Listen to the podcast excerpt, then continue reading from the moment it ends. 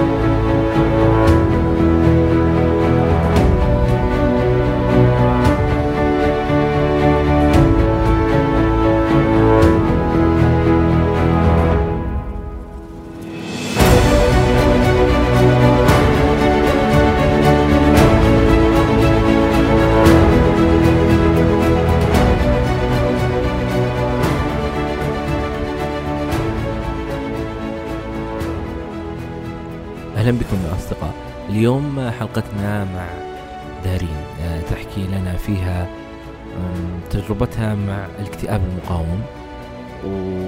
وجزء من التجربة أنها مرت بكثير من الخيارات العلاجية من ضمنها العلاج بالصدمات الكهربائية. وكيف هي حياتها مع هذا النوع من العلاج؟ كيف هي حياتها مع الجلسات والدكتور؟ وأيضا وجود حالة التهاب المفاصل لديها وتأثيرها على يعني مسار العلاج ومسار التعافي أو مسار التعايش من آه، الاكتئاب. وأيضا هناك بعض المحاولات والأفكار المرتبطة بالانتحار آه، في فترة من حياتها. آه، دارين يعني مع كل ما حصل لا تزال يعني تحمل نوع من التفاؤل ولا تزال تحاول تبحث عن الحل الأنسب لها. لا تنسوا يا أصدقاء تقييم البودكاست على iTunes كذلك مشاركة الحلقات السابقة من تحبون عبر منصات التواصل المختلفة. أي شخص حاب يشارك تجربة سمعنا هنا على البودكاست أتمنى منك أنك تتواصل معي على العنوان البريدي وهو أسامة at وجدان dot co كل شيء ذكرناه في هذه الحلقة تجدونه في وصف هذه الحلقة. وشكرا لكم. أنا أسامة جيفان وهذا وجدان. ال ال ال إحنا بنتكلم عن موضوع في فيه يعني تجربة مختلفة نوعا ما بسبب إنه انت مرتي بأكثر من آه، خيار علاجي طيب أول شيء متى أول مرة انت رحتي للطبيب النفسي؟ آه خلينا نقول 2015 2016 أول مرة كانت 2016 أول زيارة لطبيب نفسي كانت لي يعني قبل ثلاثة أربع سنين. ليش كانت هذه الزيارة؟ طيب يعني خلينا نقول يعني أنا أنا حاسة إنه أنا كان عندي اكتئاب يمكن من أيام المدرسة. اكتئاب وقلق في الثانوي كان وضع. بس يعني أتذكر قلت لماما حتى ماما أنا عندي اكتئاب. قلت لي ما عندك ولا شيء قاعدة تتوهمي فحسيت إنه أوكي بتوهم ممكن. بدأت الجامعة بدأ الوضع بدأ يسوء. بعدين خلينا نقول الوضع ساء جدا كانت حصلت لي شوية مشاكل عائلية انفصال ماما وبابا أثر علي جدا. بعدين خرجت من الجامعة توظفت 2014 ده الكلام. وكان كل شيء ماشي تمام بس كان يعني الوضع يصير يعني أسوأ لأسوأ ماني عارفة وأنا أقول لهم أب دكتور نفسي يقولوا لي ما فيك شيء. بعدين آخر شيء حصل له إني تعرضت يمكن ما أعرف قلت قبل كده كلام بس يعني مو ما اديته أهمية كثيرة بس تعرضت للتحرش في الدوام. وتعرضت ستة شهور. كان سيء الوضع جدا. يعني بعد ستة شهور يعني حسيت خلاص الانهيار. صار كل لابس كل حاجة. فرحت للدكتور. أتذكر أول موعد عند الدكتور لما دخلت وأتكلم. فبيقى قلت له لا تقاطعني أنا هنا جاي أتكلم. يقول ما أنا خلص كلامي تتكلم قال لي okay تمام. تكلمي بعد ما خلصت قال لي دارين أنت عندك انفجار. قلت له ما أعرف لي عشر سنين أنا يعني الوضع سيء وبيسوء الاكتئاب يعني. okay يمكن هي بس إنه دي الشيئين اللي حصلت لكن هي من قبلها يعني. أنا حاسة نفسي إنه أنا محتاجة بس ما رحت. هذا في 2014 إيوه 2014 رحت. أول موعد. لا سوري آه لا لا لا. 2016 رحت أول موعد. إي بس 2014 انت تخ...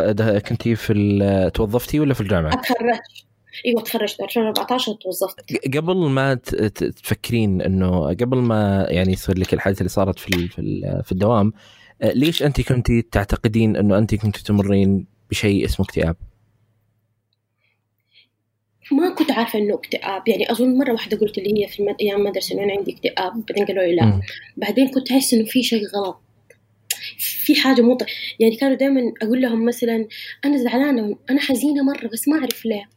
أقول لهم في شيء حزني نسيته بس still أنا حزنانة. كذا ما يقولوا دارين أنت مرة دراما. يعني أتفرج مثلا فيلم كوميدي يصير حاجة مرة يعني نقطة حاجة بس كذا تحزن فخلاص أنسى كل شيء وقد أفكر في ذا الشيء اللي يحزن يعني. فصرت يعني خلاص صرت ما عاد بتفرج ولا بمارس أي هوايات أو إني يعني أشوف مسلسلات أفلام ما بعمل ولا أي حاجة. وكنت أحسب إنه أنا شخصيتي كده تغيرت أنا قاعدة أكبر يا جماعة ده النضج ما بقرأ ما بعمل ولا أي شيء. فكان على بالي إنه أنا بمر بمرحلة يعني انتقالية وكده فخلاص هو كده شخصية الإنسان. بس كنت أحس إنه مو طبيعي الإنسان يعني كنت أشوف الناس حواليني لما تخرج يعني أحسهم مبسوطين يتفرجوا فيلم يتحمسوا. بس أنا بحس يعني الموضوع كأنه عذاب لو خرجتني لو قلت لي تفرج فيلم لو شيء يعني كده يعني كأنه روحي بتطلع أنا ما بدي أسوي دي الأشياء. فما كنت عارفة إنه ده بالضبط اكتئاب. يعني أنا حتى لما رحت آه أنا أول شيء رحت لأخصائية وهي حولتني الطبيب ما كان على بالي إنه هي حتقول لي إنه عندك اكتئاب أو شيء من ذا القبيل يعني. بعدين هي قالت لي لا أنا ما أقدر أساعدك تحتاج تدخل دوائي فتروحي للطبيب. اللي كانوا حولك كان عندهم فرق بالنسبة لك في فترة معينة؟ لما كنتي مثلا في الثانوي أو في المتوسط بعدين في الجامعة تغير وضعك؟ أفتكر مرة يمكن على أولى ثانوي أتذكر ماما وبابا جابوني. قالوا لي أنت إيش بك؟ ليه كده ما عاد صرتي يعني كده يعني خلينا نقول بيقولوا لي فين دارين اللي تتكلم وتضحك وما أعرف إيه. وإذا أحد زعلها مثلا تبكي ما أعرف إيه يعني صايرة كده كأني صنم خليني أقول. كنت فاهم نفسي حاسة نفسي خلاص يا جماعة أنا كبرت.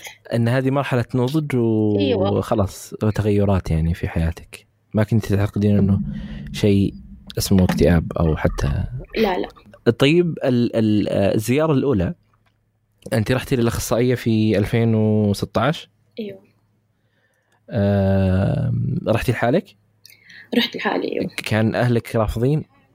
رحت بدون ما يعرفوا.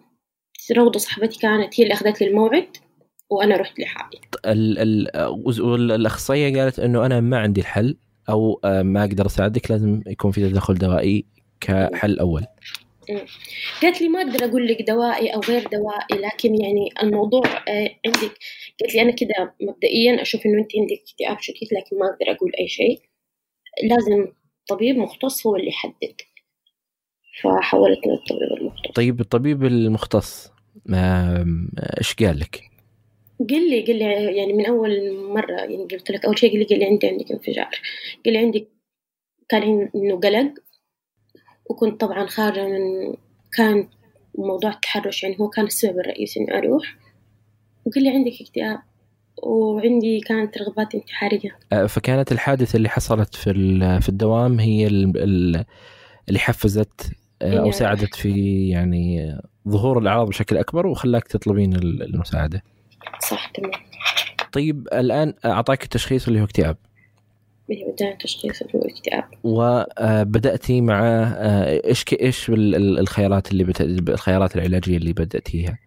بدأنا يعني أظن كان ماني فاكرة يا ربي أخذت أظن هذا البداية لكل أحد و CBT علاج سلوكي معرفي. ويعني وبدأنا نستمر ومراجعات بس الوضع يعني كانت عندي مرحلة برضو هي ملازمتني اللي هي كنت أفكر يعني كيف ممكن أموت نفسي بأي طريقة. أي شيء عيني تيجي عليه أنا ما حفكر غير كيف ممكن أستخدمه عشان أموت نفسي.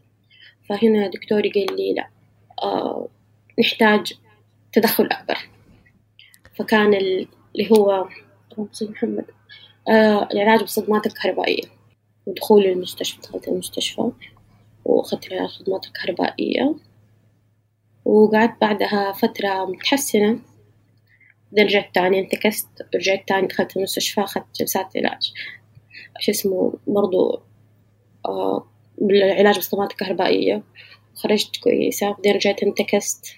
بعدين رجعت آه أظن ثالث مرة. نسيت كم مرة صراحة دخلت المستشفى. يمكن رابع مرة دي ولا كم أو خامس رابع مرة كانت عندي محاولة يعني انتحار جادة. وبعدها برضو خرجت. ما رفضت العلاج الصدمات الكهربائية قلت ما بجيب نتيجة.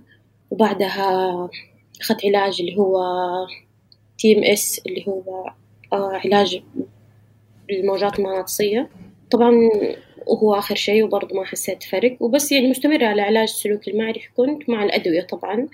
وهو دي اللي حصلت دخولي المستشفى لعدة مرات. أه كبداية أنت الآن الخط الأول اللي اتخذته أنه كنت تأخذين الأدوية؟ والجلسات. الجلسات كم كانت؟ كل كم؟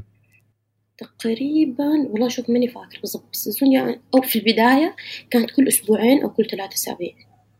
مع الأدوية. مع الأدوية. فتأخ... فيكون عندك موعد الجلسات يسويها لك الدكتور أو أخصائية مخت... ثانية؟ لا كان الدكتور أنا كنت صراحة رافضة أي أحد تاني آه ف... فكان جلساتك إنه مع الدكتور وأيضا هو يصرف لك الأدوية مع الجلسات. العلاج.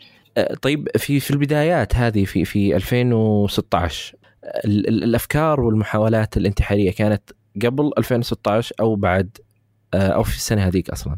قبل 2016 تقريبا كان عندي خلينا نقول محاولتين.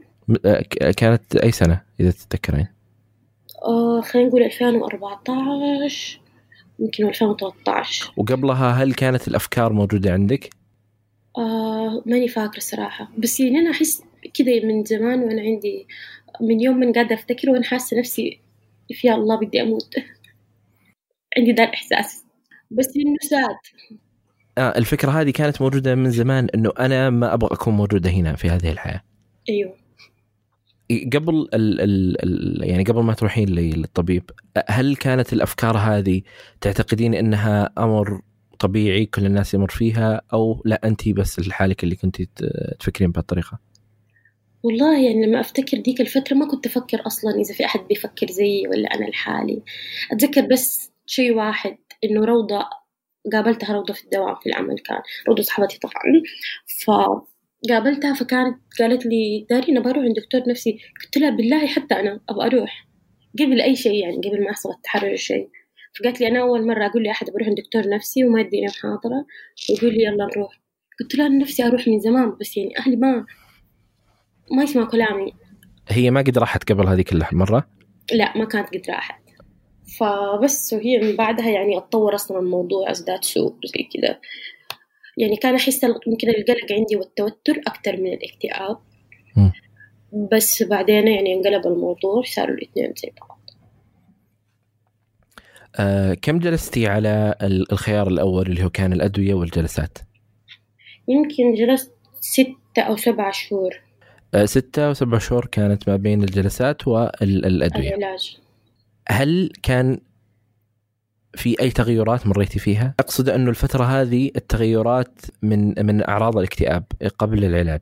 قبل العلاج إنه قبل العلاج وبعد العلاج اي في الفترة هذه ستة شهور إيش اللي تغير عندك؟ مع العلاج خليني أحاول أفتكر لك عشان ما ألف. أفتكر بدأت أخذ العلاج ويعني ما, ما كان ولا أي دواء راضي يجيب نتيجة. يعني خلال دي ست شهور ما بنحرز ولا أي تقدم. كانت صفر. الأعراض موجودة ما راحت. نغير الأدوية نجيب يعني كنت حتى بيديني الدكتور تمارين للعلاج السلوكي المعرفي اللي هو تبع الأفكار. نسيت اسمه حتى اللي كنا نعمله. ودي الأشياء كنت أعملها يعني مثلا كنت أحاول قدر المستطاع يعني أعمل نشاطات ما أقعد لحالي زي كده بس كان الوضع يعني ما ما ما بيتقدم طيب الأعراض الرئيسية لما لما نناقشها موضوع النوم والأكل والمزاج كيف كانت في هذه الفترة؟ ستة شهور. ست شهور كان كان النوم عندي متقلب فترات تيجي ما أنام مرة مرة وقت طويل كنت مثلا عادي آه، أقعد على السرير أكثر من 12 ساعة مثلا على جنبي حتى ما أقلب نفسي. عادي كنت قاعد على واحد جنب ما أتحرك. يعني كان الالتصاق في السرير. فكان يعني هذا أسوأ شيء هي إنه ماني قادرة أقوم من السرير. مو ماني قادرة أقلب نفسي. أنا مسدوحة على ظهري حقعد ما أدري كم ساعة كذا مسدوحة غير إنه مرة ماني قادرة يعني خلينا نقول الاستمتاع بأي شيء في الحياة كان مفقود. كان يعني أبو كل الفكر اللي عندي كان. يعني المزاج يصير أسوأ. تركيزي مرة صار قل في العمل صار مرة سيء التركيز. خلينا نقول صح في ذيك الفترة كمان اتشخصت بالروماتويد عشان ما يعني نغفل عنه. فكان برضو أظن يعني مع مع موضوع التحرش وكل دي الأشياء مع بعضها. يعني كان الروماتويد تأثر على شغلي. أظن يعني كان نفسيتي كمان ساءت بزيادة لأنه الروماتويد كان في إيدي التهاب مفاصل في يدي. فكان ما كنت ما أنا أشتغل قسم المحاسبة فشغلي كله في الورق. فكنت ماني قادرة أشتغل. ما ما أقدر أحرك إيدي. وما حد كان عارف إيش بها يعني ما تشخصت على طول بالروماتويد يمكن زرت 13 دكتور. فصار الوضع كله يعني مزاجي سيء. بيدي ماني قادرة. وأنا مرة كنت يعني متعلقة في عملي وحاسة نفسي بدأت أخسره. فكان مرة ملخبطة. ستة شهور دي كانت سيئة صراحة. الفترة هذه يعني ممكن حتى أنها كانت تعتبر بالنسبة لك تجربة يعني بالنسبة لتجربة الأدوية وتجربة التقنيات اللي كانت تعطى من من الطبيب. آه وإضافة على آه يعني تشخيصك الجديد بالتهاب المفاصل ما ما كنت تلاحظين أي تغير خلال الستة شهور هذه أو سبع شهور؟ لا إنه تحسن لا كان الوضع ده بيسوء. فالآن الطبيب قرر أنه يعمل خيار آخر مختلف تماما آه، أو إنه لا يغير الأدوية. أو أصلا ستة شهور هذه أنت جلس كنت جالسه تغيري الأدوية. والله شوف ماني فاكرة. خلال ستة شهور أنا فاكرة إنه الأدوية كانت تتغير. بس قد إيه بأي معدل كيف نغيرها إيش نغير ماني فاكرة بالضبط. تقريبا ستة أو سبعة شهور حتى. فإيوه فلا كان الخيار المستشفى يعني كان من ضروره خلاص. يعني خلاص أنا كلمت الدكتور وقال لي داري أنت لازم تروحي المستشفى. قلت له إيش أقول لهم في المستشفى؟ قال لها لأن هو كان في عيادة خاصة هو دكتوري دكتور خالد العوفي حقيقي ده يعني أعظم دكتور مر علي في الحياة. قال لي لا تروحي وتقولي لهم اللي بتقولي لي هو ده الكلام. وتروحي المستشفى هم حيمسكوكي ما حيسيبوكي أساسا. دخلت أول مستشفى. إنه تنويم قال لك. أيوه تنويم. كان أول شيء طبعا صعب بالنسبة لي إنه آه لسه أقول لأهلي لأنه أهلي ما يعرفوا أساسا عن أي شيء. الست شهور هذه ما حد يعرف. أيوه غالبا يمكن أحد من أخواتي ماني فاكرة كان يعرف أو شيء أعتقد يعني. لكن آه، ماما وبابا اللي هو الأصعب يعني صراحة ما كانوا يعرفوا. طبعا قوبل بالرفض. فكرة المستشفى. كانت صدمة أساسا انه أنت أصلا بتروحي دكتور نفسي وبتاخذي أدوية وش ذا الكلام كله اللي قاعدة تقوليه. فبعدين كل قابلهم الدكتور وكلمهم ماني فاكرة تواصل معاهم بالتليفون أو إيش وشرح لهم إنه الموضوع يعني موضوع خطير تحتاج مستشفى. فدخلت أول مستشفى وكانت تجربة سيئة جدا كانت من أسوأ الأشياء في حياتي. خاص ولا حكومي؟ كانت خاص. خمس أيام قعدت فيها أو أسبوع. يعني ما أنسى أول ما دخلت وكنت رافضة أخذ الدواء. كده الممرضة عادي بتقول لي لو ما أخذتي الدواء أنا حجيب الأمن اللي ورا يكتفوكي ويضربوكي. فأنا خلاص يعني أنهرت هنا. قلت إيش بتسوي فيا أساسا؟ فقعدت خمس أيام في دي المستشفى وخرجت. وبعدين رحت مستشفى تانية قعدت فيها تقريبا عشرين يوم أو شيء وأخذت علاج اللي هو جلسات العلاج. بصدمات كهربائية كان حكومي؟ لا برضو خاص كان آه فجلستي 20 يوم في في هذا المستشفى أيوه تقريبا آه وقفتي الأدوية اللي كانت مع الدكتور خالد؟ آه لا هو الدكتور خالد تواصل مع دكتوري في المستشفى ويعني إنه اتفقوا ما بينهم فكنت آخذ أي. أدويتي عادي أي. وبالإضافة إلى الجلسات العلاج جلسات العلاج خلال العشرين يوم هذه آه كم جلسة كانت عندك؟ ستة ست جلسات كل كم؟ لا هذا سؤال صعب لأنه هو من ال side effect يعني من الآثار الجانبية أقصد آه لل للجلسات دي إنه بتعمل لك فقدان ذاكرة يعني كده مؤقت صغير عشان ما بحد فجأة يحسب إنه حينسى كل شيء لا بس تقريبا أنت تنسى الفترة اللي هي كنت فيها في المستشفى والفترة اللي ممكن بقبلها ثلاثة أربعة خمس. أيام واللي بعدها بشوية يعني خلينا نقول حدود الجلسات الأيام اللي قبل والبعد فعلا تكون ناسيها. يمكن لو في حاجة تنذكر في دي الفترة كنا أسامة أول لسه كنا دوبا أنا وأنت وروضة نتكلم في التليجرام. إيه. قبل ما أخش المستشفى. طيب رحت عملت جلسات العلاج بعدين صحيت رحت بيت. ما خلصته كله فكيت جوالي. فبقول لي روضة روضة مين أسامة؟ شافت جوالي اسمه أسامة. مين ده. قلت لي نسيتي قلت لها مين؟ ما أعرف ماني فاكرة ولا شيء. قلت لي دارين إيش بك؟ فقاعد تفكرني. فافتكرت يعني. فكنت إيه. يعني أجحد أي حاجة حتى خرجت من المستشفى قلت لأهلي ليش روضة ما كانت تزورني؟ قالوا لي روضة ما كانت تزورك؟ قلت كل يوم تجيكي فيعني تنسى دي الأشياء يعني. إيه اللي هو كأعراض يعني للذاكرة ال- ال- قصيرة المدى ليست طويلة المدى. أيوه بالضبط. آه ف في فيه بعض الأحداث أنت ما تقدر تخزنها. آه لكن طيب اللي حولك آه هل طيب أهلك ما قالوا لك كم كانت كل فترة؟ أو أعطوك معلومة عنها؟ آه لا. طيب الآن ال- ال- الجلسات هذه بالبداية لما قال لك من اللي قال لك عن الجلسات؟ الدكتور خالد أو الدكتور في المستشفى الثاني؟ لا دكتور خالد. آه طيب ما كان بالنسبة لك الأمر مخيف؟ لا صراحة. كنت كنت أبغى أي شيء. يعني هو قال لي قال لي من زمان يعني من اليوم ما بدأنا العلاج هو يعني أت- أنا فاكرة إنه هو قاعد يتكلم معانا وقاعد يعرض لي مثلا إيش إنه إيش الأشياء اللي بتستخدم وإنه في خيار علاج دوائي وفي خيار الخيارات المتاحة في العلاج النفسي. مم. فقال لي أنا بس بعرضها يعني مو معناها إنه إحنا حنتطرق لها. لكن إيه يعني للفائدة. وقتها كانت أظن روضة بتيجي معي المواعيد أيوه. فبس هو آخر شيء قال لي دارين كان عندي بالنسبة لي صراحة عادي ما كنت خايفة. اللي خلاص يعني إذا في شيء حيغير الوضع ده أيا كان أنا حسويه. أي حاجة حسويها. طيب ال- ال- قبل هل أنت كان عندك تصور إيش هي جلسات في أفلام سمعتي عنها أو جلسات الصدمات هذه؟ يعني شوفوا التصور في الأفلام إنه طبعا حكاية تانية تربيط الكراسي والكهرباء وأنت صاحي. لا لا ما كان كده. ما كان عندي تصور لما قال أظن إن هو أول ما قالها الدكتور ماني فاكرة بالضبط شرحها هي إيش بالضبط. فأنا رحت وأنا عارفة يعني هم إيش هيعملوا بالضبط فيها يعني متخيلة الوضع متصورته. فلا يعني صراحة ما ما هي مؤلمة ترى وما يعني يمكن أحد يتخوف منها. يبنجوك أظن يدوك إبرة بنج حق خمسة عشر دقائق ما أعرف ما أفتكر بالضبط. فخلال دي البنج هم بي بيلفوا حاجة كده على رأسك ويكهربوك وما تحس بأي ألم ولا لما تصحى ما في أي ألم في الموضوع ولا مثلا بتسيب علامات ومدري إيه. لا لا لا. عادي يعني مرة سيف صراحة. ما فيها ولا أي شيء.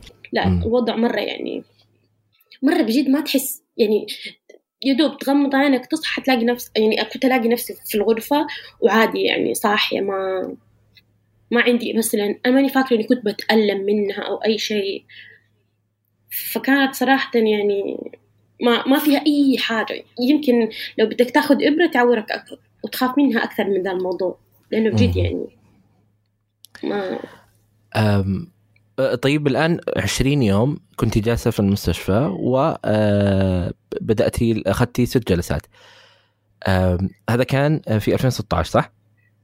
ده لا كده انتقلنا 2017. 2017 مم. طيب بعدها كيف كانت حياتك بعد هذه الست جلسات؟ بعد دي ست جلسات روضة تقول لي لأنه أنا ما أفتكر تقول لي إنه أنا كنت مرة حاسة قالت لي دارين كنت تقولي لي إنه مرة تحسنت ومرة رهيبة وما أعرف إيه وحتحسي بفرق يا روضة أنت كمان تعالي أعمليها. فطبعا أنا ما آه انت كنت تقولي لها. آه أيوة، هي تقول لك يعني قصدك. أيوه هي إيه. تقول لي إن أنا كنت أقول لها هذا الكلام. فبس يعني المشكلة من وقت ما أتذكر يعني بدأ وضعي يعني يمكن قاعد معاه شهرين أو شهر ونص أيوه شهرين تقريبا بدأ وضعي يصير داون تاني. وبرضه نفس الوقت كان كنت وقتها حتى إيوه كنت وقتها في أمريكا أظن إيوه واضطريت أروح الطوارئ. لأنه كنت كده حاسة خلاص يعني بدي أقتل نفسي. كنت يعني في مبنى عالي وكان في بلكونة فكنت دائما أفكر أرمي نفسي منه. فبس. هذا آه، معليش آه، بعد ال ال آه، في نفس السنة هذيك اللي هي 2017 أيوه في نفس السنة. طيب كم لها يعني الحادثة هذه ما بعد الجلسات؟ في وقت قريب ولا بعيدة؟ بعد الجلسات بيمكن أربع شهور أو خمسة بس في خلال هذه الفترة كنت على الأقل في في حالة أفضل من قبل تقريبا بعد الجلسات يمكن بشهرين بدأت أيه. أحس إنه أنا ماني في حالة أفضل يعني رجعتي للسابق أيوه مم. طبعا يعني أنا بس بقول كده مو معناه إنه مثلا هذه الجلسات ما تدي نتيجة تختلف مرة من شخص لآخر. بس إنه أنا ما كانت مع مخي ما مشيت. إلى له في الأخير يعني الخيار العلاجي للجلسات آه، هو يعتبر آه، خيار الاكتئاب المقاوم وخيار لي أيضا بعض الحالات الثانية لكن ما هو شرط أنه الكل يستفيد منها. وبالرغم أنه ممكن ذكر لك حتى دكتورك أنه في كثير من الناس تحسنت حالتهم بشكل كبير جدا وتغيرت يعني حياتهم بسبب الجلسات. طيب ال ال الأفكار اللي, اللي أنت كنت تمرين فيها الآن خفت زادت أو هي نفس ما هي؟ آه، قصدك الآن بالآن؟ لا أقصد في, في هذيك الفترة. يعني كانت لا يعني ما صار يعني حسيت بدأ الوضع يتدهور يسوء ويرجع زي ما كان. فيعني وقتها كانت هي يعني ممكن أحد الأسباب كانت يعني أنا أتوقع إنه أنا جلست فترة ست شهور هنا في أمريكا كنت بعمل علاج بسبب الروماتويد كده وعندي علاج طبيعي وعارف إيه. فما كان عندي دكتور رحت لدكتورين نفسيين. ما قدرت. ما, ما ماني يعني كان التواصل معاهم مو صعب قد ما هو. يعني أنت جاي من بيئة وثقافة مختلفة فأنت تضطر تشرح كل شيء. فيعني كان فأظن هذه كانت أحد أسباب التدهور إني أنا ما كنت براجع. كنت بتواصل مع الدكتور بس على الواتساب. غير كذا يعني مع إنه الدكتور حقيقي الدكتور خالد كان مرة متعاون قال لي أنا مستعد يعني روح عند دكتور دارين وأنا أكلمه وأشرح له. بس إنه خلينا نقول ديك الفترة عشان يعني لا أظلم مرة جلسات العلاج اللي بعدها جات فترة كنت كمان آه خلينا نقول ما كنت منتظمة على الأدوية. يعني ذاك درس تعلمته إنه عدم الانتظام مع الأدوية سيء أسوأ من كل شيء في الحياة لأنه تنتكس بعدها انتكاسة مرة سيئة. ف أنا كنت ماني منتظمة على الأدوية. كذا كنت مكتئبة خفيف. فما كنت أبغى أخذ الأدوية. فصار الوضع أسوأ. اضطريت إني أدخل المستشفى تاني. ودي الأشياء. فما يعني ممكن لو كنت منتظمة على الأدوية مع مراجعة مع دكتوري وكذا كان الوضع حيزبط. بس بسبب دي كل الأشياء ما زبط معايا. أه، طيب لما رجعتي الآن متى كانت متى دخلتي المستشفى مرة ثانية؟ رجعت تقريبا بعد سنة من دخول المستشفى المرة الأولى. فممكن في 2018 أيوة. دخلت المستشفى تاني. نفس المستشفى اللي أنت دخلتيه في الأول؟ نفس المستشفى اللي أنا دخلتها في الأول. شو اسمه إيوه نفس المستشفى بس دي المرة أخذت بس أربع جلسات. من آه، قصدك جلسات الصدمات؟ إيوه الصدمات أخذت بس أربع كم جلستي هناك تقريبا؟ والله ما فاكر يمكن عشر أيام تقريبا. يعني حاجة زي كذا. طيب بعد هل الان الخيارين أو عفوا بعد الآن أنت جربتي الأدوية بعدها آه، طبعا مع الأدوية كانت جلسات بعدها أخذتي جلسات العلاج بالصدمات الكهربائية للمرة الثانية. إيوه للمرة الثانية. هل لاحظتي أي آه تغير أو تحسن؟ ماني فاكرة صراحة بس يعني أنا كنت أفتكر إنه يعني التحسن يستمر معايا ثلاثة شهور ويبدأ يعني تدريجيا يسوء الوضع يعني كده من شهرين لثلاثة يبدأ الوضع يصير سيء فيكون في فترة آه، فترة مؤقتة إيوه فترة مؤقتة آه ومتى قرر الدكتور خالد إنه يجرب خيار ثالث؟ آه كان في 2019 ذا الكلام تقريبا بعد المرة الثانية من المستشفى اللي المرة الثالثة كان عندي خلينا نقول محاولة انتحار يمكن أكثر محاولة انتحار كانت جدية يعني أخذت فيها يعني.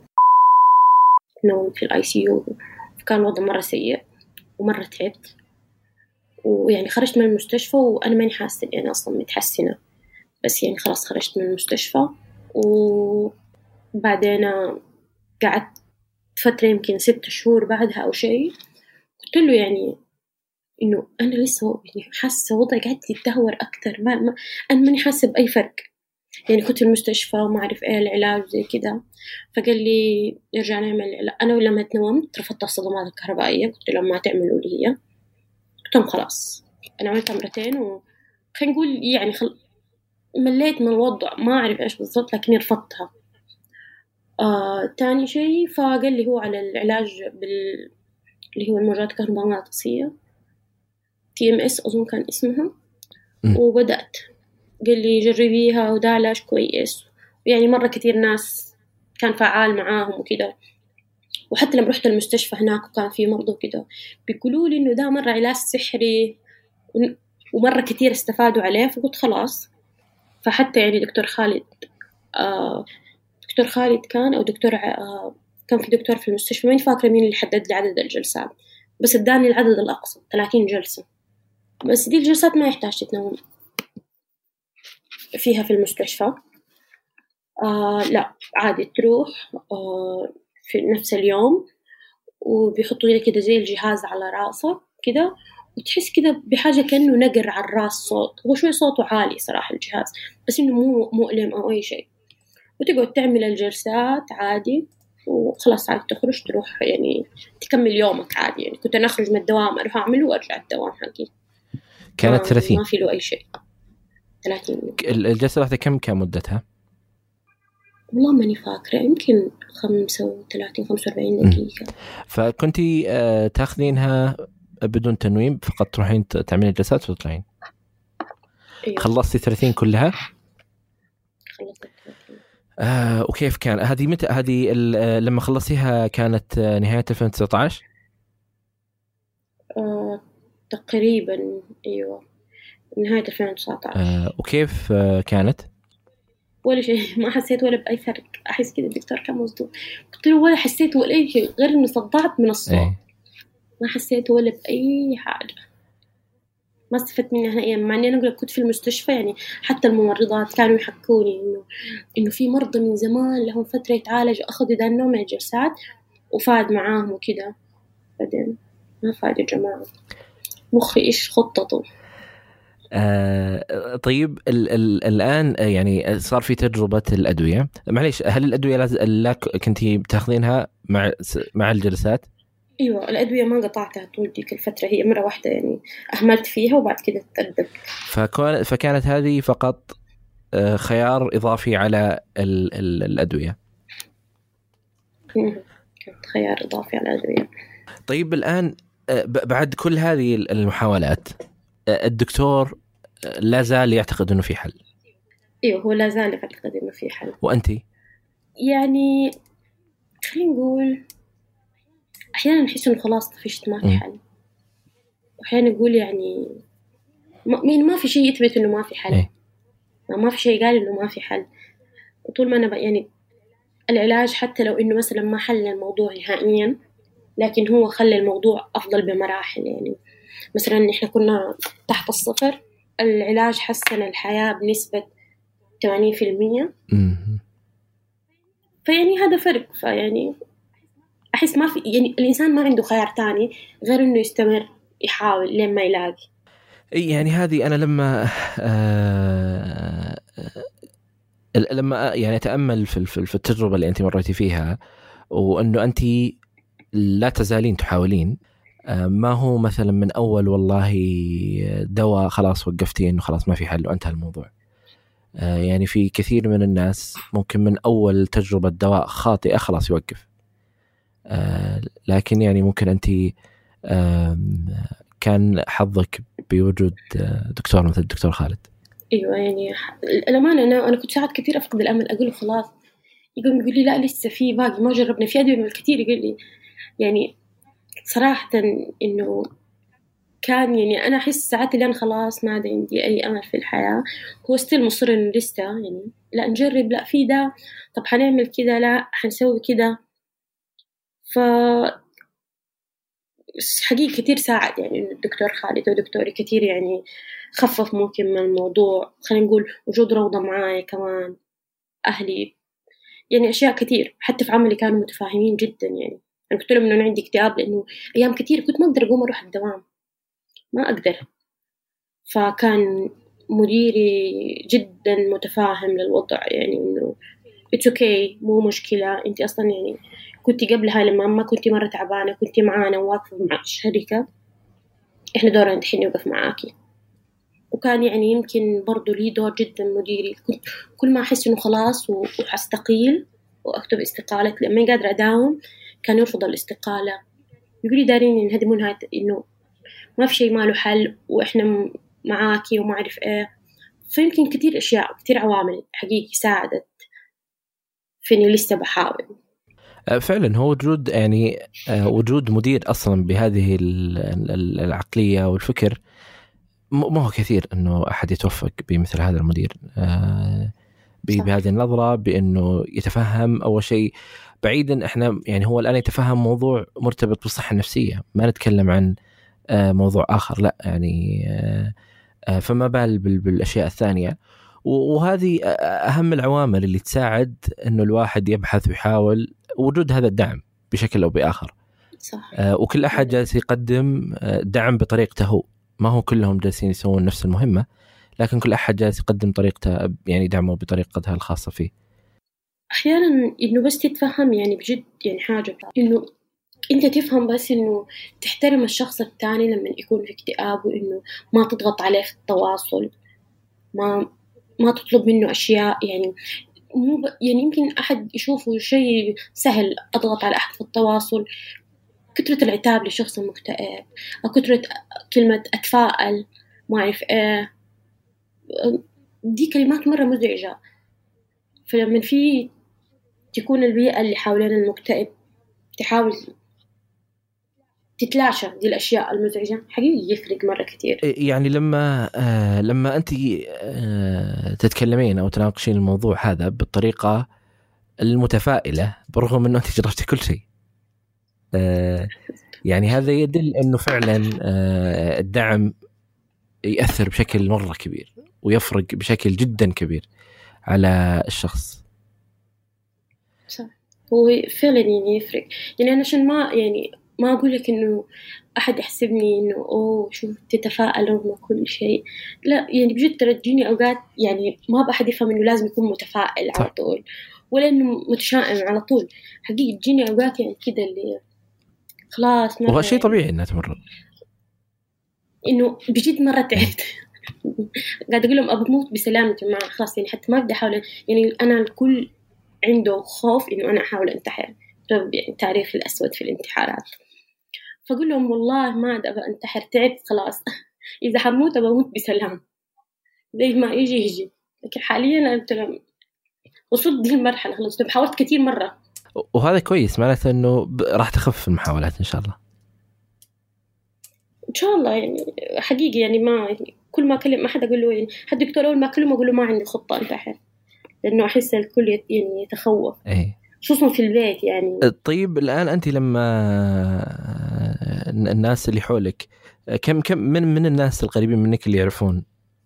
في البداية صراحة ما كان في أحد يعرف بعدين قررت حاجة في نفسي إنه حقول لي أي أحد أنت إيش بك؟ حقول له أنا مكتئب. حاليا أظن كل ال... يعني كل أحد يعرفني يعرف إنه عندي اكتئاب.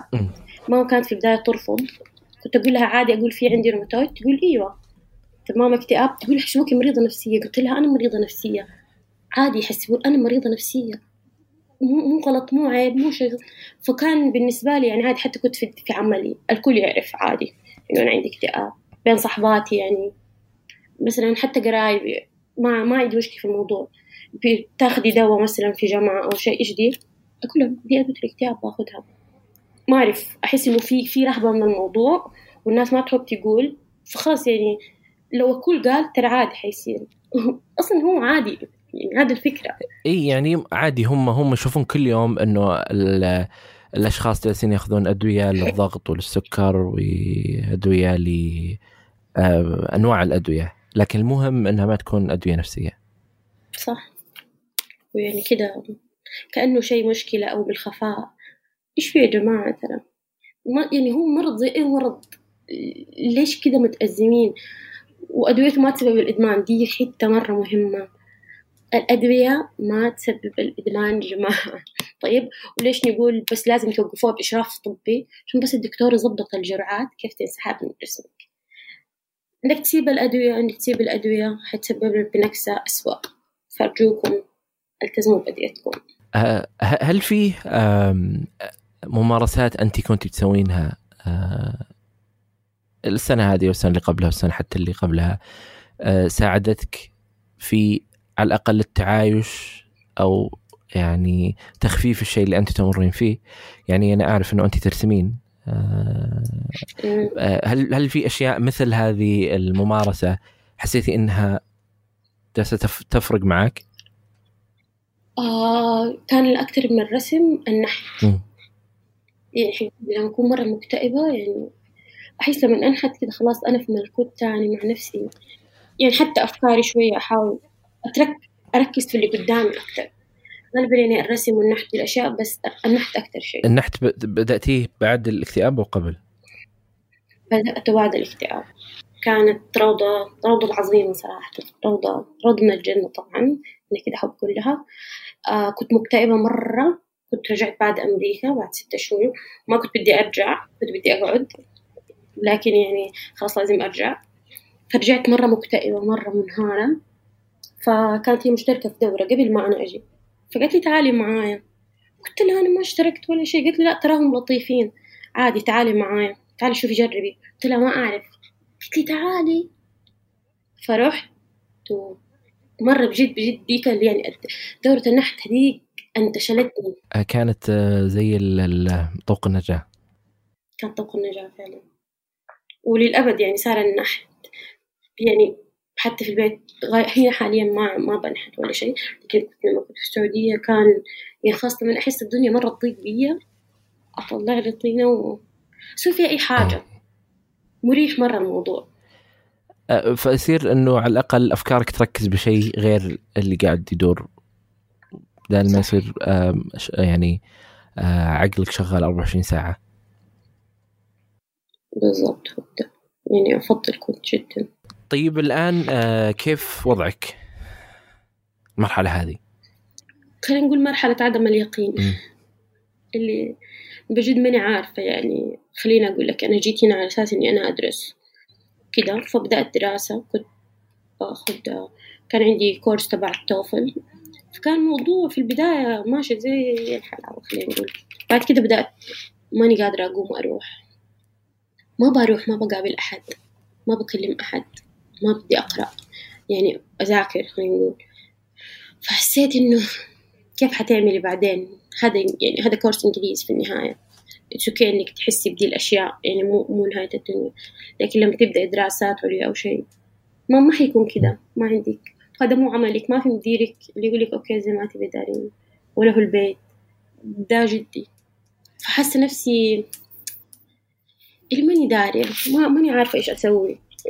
هو كويس استغفر الله مو كويس. يعني جات كورونا وقفت كل شيء فأنا قاعدة أفكر لسه.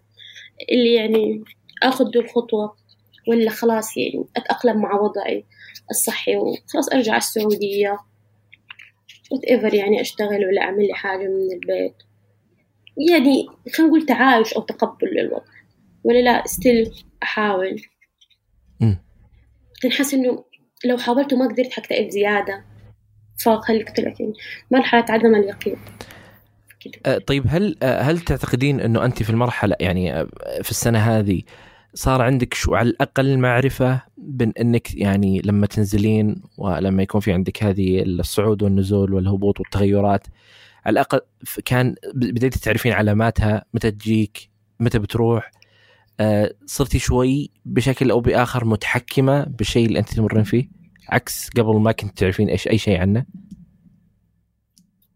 خلينا نقول في البداية صراحة الكتاب ما يخليك تعرف شيء. يعني بالنسبة لي يعني. م. غير متوقع. يعني ما ما أقدر ما أقدر أتوقعه وما أقدر أعرف متى دي الأزمة صراحة. حتخلص ولا ما حتخلص؟ مو واضح بالنسبة لي لا. آه وهو آه هنا هنا المشكلة في موضوع لما نجي نتكلم عن الاكتئاب آه هو ما هو شيء إحنا نقدر نمسكه ولا نقدر نعرفه ولا نقدر نجلس معاه نتناقش ولا ما ندري وش أصلا. آه لو نعرف بالضبط إيش هو كان زمان آه، قدرنا على الأقل نعرف آه، نتعامل معه. ونتعايش معه بشكل أفضل.